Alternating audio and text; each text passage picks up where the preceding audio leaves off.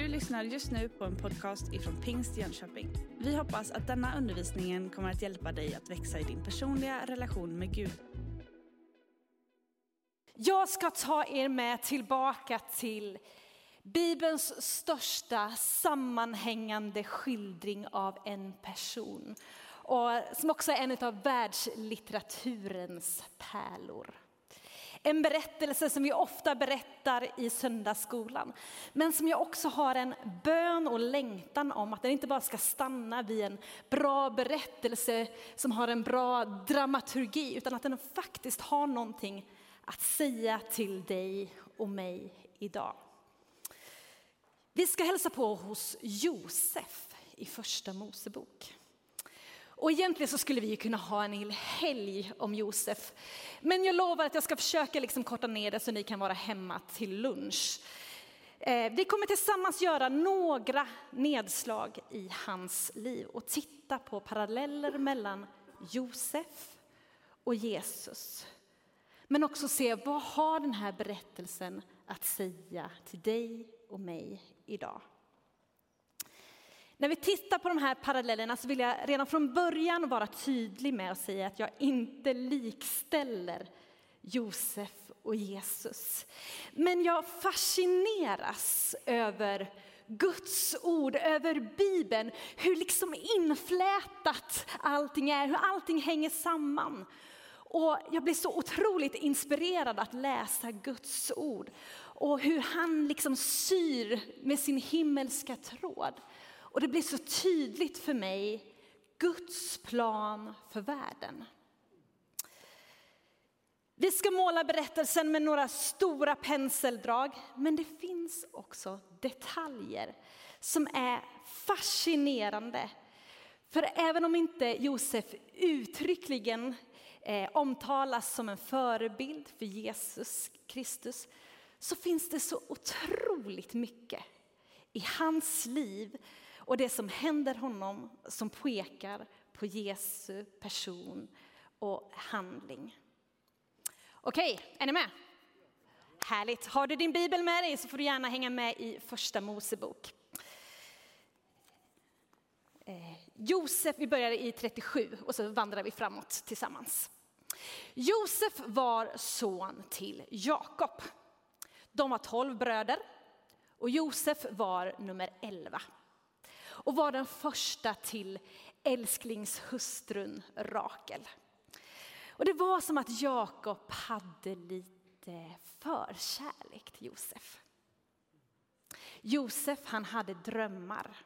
Och han berättade för sina bröder om dessa, hur han hade en kärve. Och så hade de andra bröderna kärvar som stod runt omkring och så bugade de sig för Josefs kärve. Likaså drömde han om solen och månen och tolv, eh, elva stjärnor som bugade sig för honom. I början av den här berättelsen så har Josef drömmar. Det var inte vilka drömmar som helst, utan det var förutsägelser om vad som skulle komma. Om vi redan här drar paralleller till Jesus så uttalade han också förutsägelser om vad som skulle komma i hans liv, i folkets liv, i världen. Och så blir det också tydligt att gamla testamentet pekar på Jesu person. Innehåller profetior, förutsägelser om att Jesus ska komma. Om några veckor så firar vi advent och då kommer vi läsa fler av de här texterna som pekar på att Jesus ska komma. På grund av de här drömmarna och att bröderna såg hur mycket pappa Jakob älskade Josef så blev de också avundsjuka på honom. De fylldes med hat, så, att, så mycket hat så att de sist bestämmer sig för att döda honom. Bröderna var och vallade får och en dag så ber Jakob Josef att gå dit och checka dem. Och så såg de honom komma. Och så läser vi från kapitel 37. Där kommer drömmaren. Kom nu så dödar vi honom och kastar honom i en brunn. Sen kan vi säga att ett vilddjur åt upp honom, så får vi se hur det går med hans drömmar. De planerar alltså inte bara liksom mordet, utan också hur de ska täcka upp för det. Så det gjorde de, de kastade honom i brunnen. Men så kommer det en karavan med köpmän som var på väg till Egypten, varpå Juda, en av bröderna, säger Vad vinner vi på att sälja vår bror och dölja hans blod? Kom, vi säljer honom till ismaeliterna. Och så bestämde man sig för att istället sälja Josef. Och Josef såldes som slav. Och det här är viktigt, för lyssna nu, för det här kommer vi komma tillbaka till om en stund. En av de tolv bröderna, han som säljer Josef, är Juda. Han får 20 siklar silver. Den som senare förråder Jesus är Judas. En av de tolv lärjungarna. Han får 30 silvermynt, vilket också är priset för en slav. Josef fick möta missförstånd, hat och blev förrådd av sina närmaste. Jesus blev också förrådd av en av sina närmaste. Kanske finns du här idag som också kommer från en trasig familj. För när vi tittar på Josefs familj så känner man ju ändå att det finns ganska mycket trasighet där.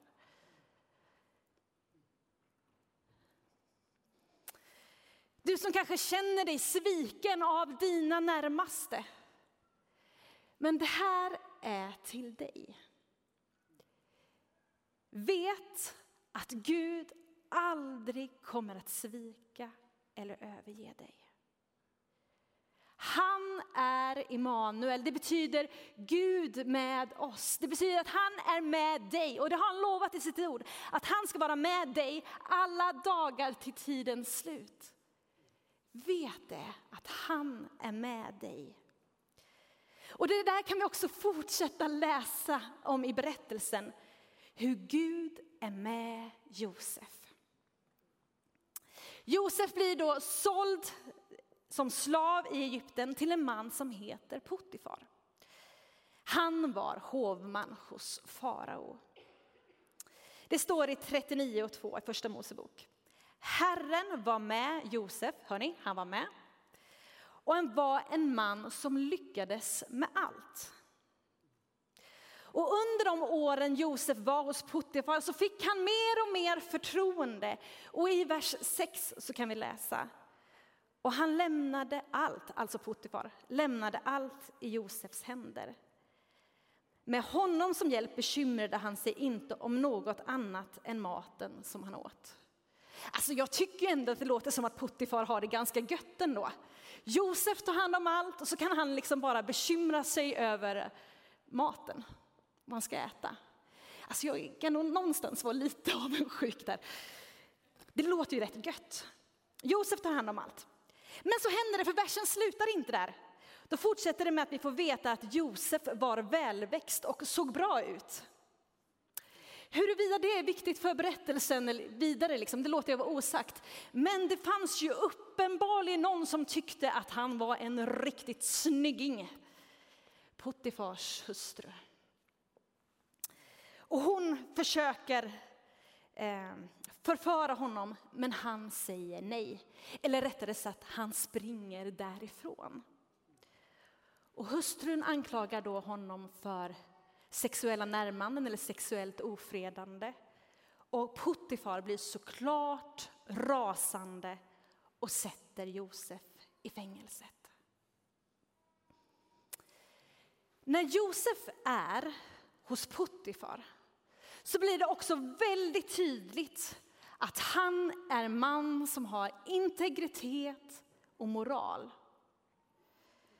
Han får ta straffet för det hon gjorde.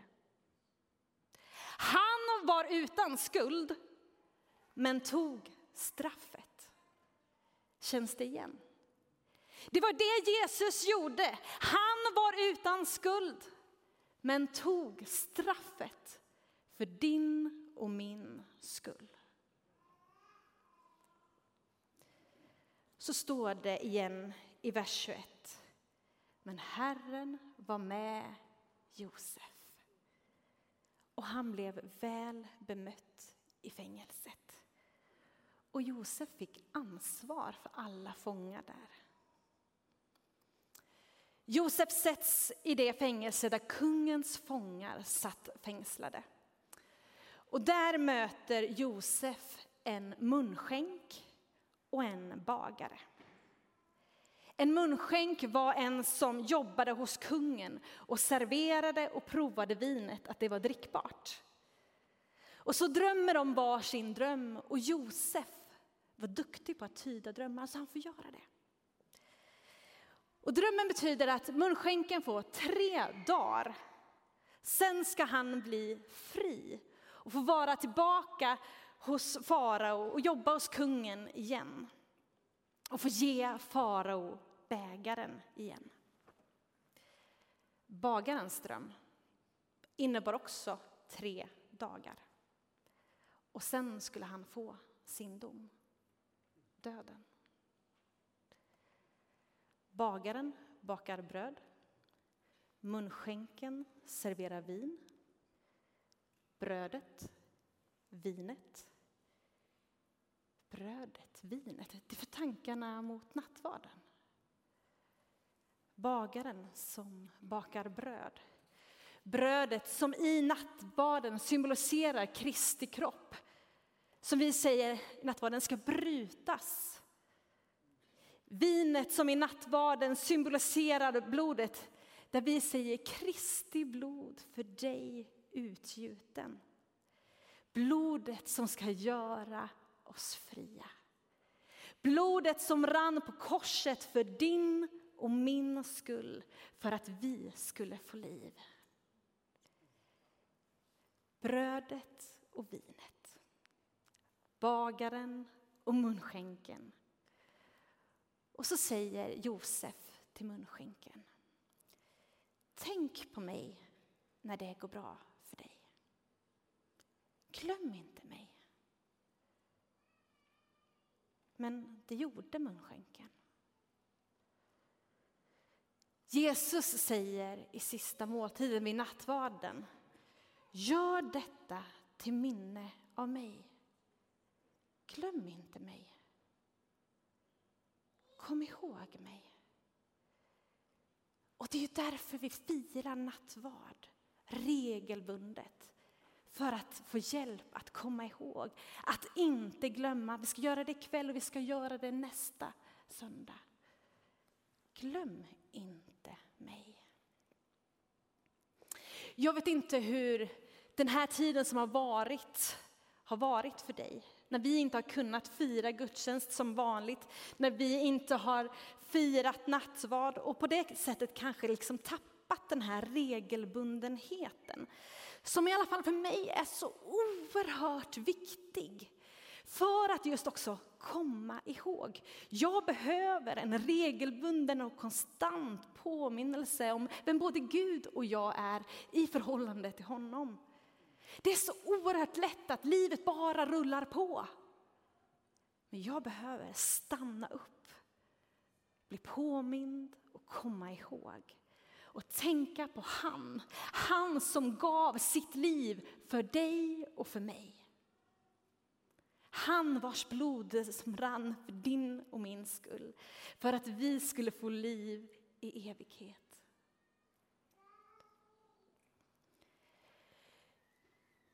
Sen så går det två år till.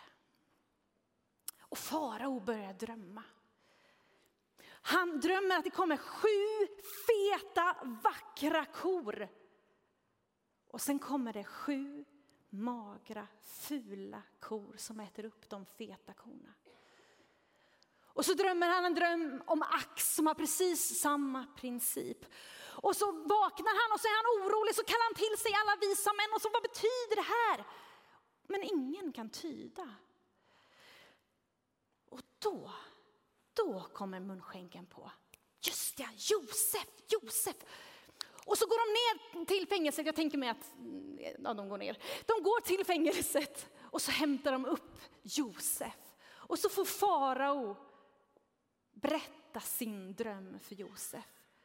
Och så får Josef vara med och tyda drömmen. Och han berättar om sju goda år med mat i överflöd.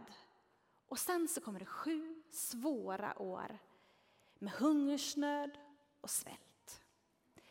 Inte nog med det, utan Josef kommer också med en strategi för hur de kan förvalta brödet och överflödet under de här sju goda åren. Vi har nu kommit fram till 41, det var ett svårt ord att säga, 41 kapitlet. Det står så här. Vers 37. Detta tilltalade farao och alla hans tjänare och han sa till dem. Finns det någon som har Guds ande som denna man? Och farao sa till Josef. Eftersom Gud har uppenbarat allt detta för dig så finns det ingen som är så förståndig och vis som du. Du ska styra över mitt hus och allt mitt folk ska rätta sig efter dina befallningar. Bara när det gäller tronen ska jag vara högre än du. Och farao sa till Josef, se, jag sätter dig över hela Egyptens land. Och farao tog ringen från sin hand och satte den på Josefs hand. Och han klädde honom i kläder av fint linne och hängde en kedja av guld runt hans hals. Han lät honom åka i vagnen närmast efter sin egen och man ropade Abrek framför honom. Så satte farao honom över hela Egyptens land. Abrek, det betyder troligtvis knäböj. Att man skulle böja knä inför Josef. Men när det gäller Jesus, vad står det i Bibeln då? I Filipperbrevet 2.10 står det att för att i Jesu namn alla knän ska böjas. Josef fick till slut sin upphöjelse som kungens närmsta man. Jesus fick en slutlig upphöjelse till Faderns högra sida. Det blev så som Josef hade sagt. När hungersnöden och svälten blev svår så var det inte bara i Egypten utan vi kan läsa att det var hela världen som drabbades av svält. Och man kom från hela världen till Josef för att köpa säd. För svälten hade varit svår i hela världen. Här blir Josef världens räddare. Det Josef gjorde blev till räddning och till välsignelse för hela världen. Det Jesus gjorde på korset blev till räddning och välsignelse för hela världen. Därför att han är världens räddare, världens frälsare, din och min räddare och frälsare. Han vars blod rann på korset för din frihet. Det var också hungersnöd där Josefs bröder var. Och de åker till Egypten för att få mat. Och när de kommer dit så känner de inte igen Josef. Men eh, Josef känner igen dem. Och så börjar det liksom ett, ett nästan som ett spel liksom mellan Josef och hans bröder. Men till slut så ger han sig till känna. Vi läser från kapitel 45, vers 4 till 8. Då sade Josef till dem, kom hit till mig. Och när de kom fram sa han, jag är er bror Josef som ni sålde till Egypten. Men var inte ledsna och sörj inte över att ni sålde mig hit. Det var för att rädda liv som Gud sände mig hit före er. I två år har det nu varit svält i landet och det återstår fem år då man varken ska plöja eller skörda. Men Gud sände mig hit före er för att låta er bli kvar på jorden och hålla er vid liv till räddning för många. Det är alltså inte ni som sänt mig, utan Gud.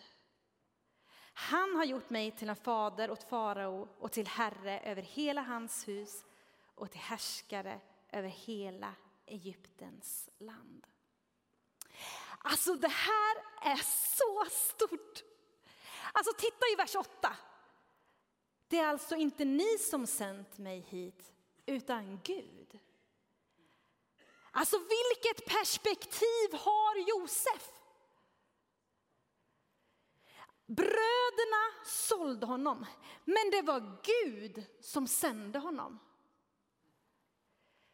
Alltså det där perspektivet det utmanar mig. Antingen så kan vi leva våra liv där vi liksom ser på hur andra människor har handlat, hur de har gjort på oss. Eller så väljer vi att lita på det som står i Romarbrevet 8, att Gud samverkar allt till det bästa.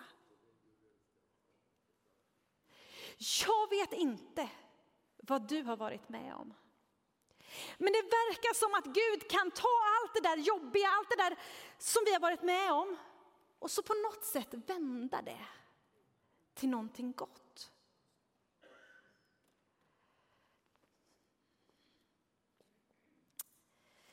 Och när vi fortsätter läsa om Josef så ser vi också att han förstår att Gud inte bara har sänt honom för hans egen skull, för att han skulle bli räddad, utan liksom perspektivet är ju bredare än så. Utan för att han skulle rädda folket, rädda världen, rädda sina bröder. De, de som hade så mycket hat. Ett hat som drev dem att förråda, att vilja döda sin bror. Gud använde det till sin plan att rädda världen. Hatet mot Jesus som drev folk att förråda, att vilja döda Jesus. Det blev Guds plan för att rädda världen. Josef visade nåd mot sina bröder. Jesus visar nåd mot dig och mig. Josef går från att bli förkastad, lämnad för att dö, till att bli upphöjd som herre i Egypten. Jesus går från att bli förkastad och lämnad för att dö på ett kors till att bli upphöjd som herre i världen.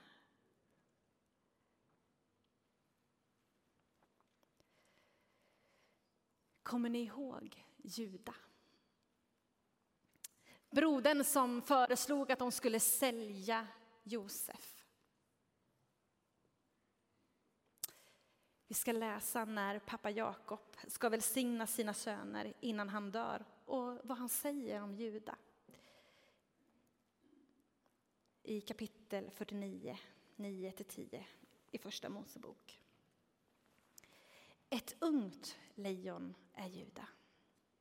Du reser dig från rivet byte, min son. Han böjer sig, han lägger sig som ett lejon, som en lejonhona. Vem vågar väcka honom? Spiran ska inte vika från Juda. Inte härskar staven från hans fötter förrän han som den tillhör kommer och folken lyder honom. Det här är en profetisk text om Jesus. Att ur Judas stam, från Judas släktled, så kommer Jesus. Och vi förstår när vi läser att det här är inget perfekt släktled. Här finns syndaren, här finns trasigheten, här finns brustenheten. Det släktled som vi om bara några veckor kommer att sjunga Hosianna, Davids son, för att David kom ju från samma släkt. I berättelsen så använder Gud Josef för att rädda Juda. Han som sålde, som förrådde honom. Vet du?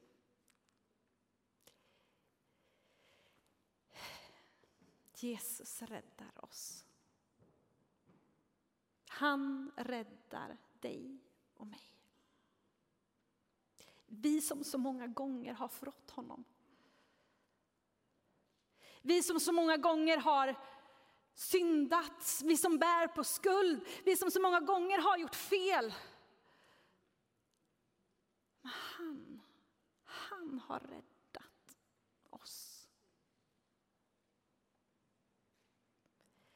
Vi som svikit, vi som valt en väg som inte alltid har varit den rätta. Men Jesus räddade oss. Och det är bara nåd. Det är bara nåd, min vän. Inget som varken du eller jag har gjort oss förtjänta av. Det är bara nåd.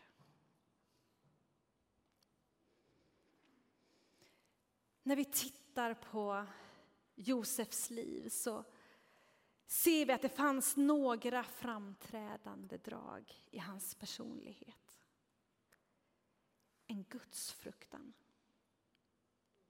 En gudomlig vishet.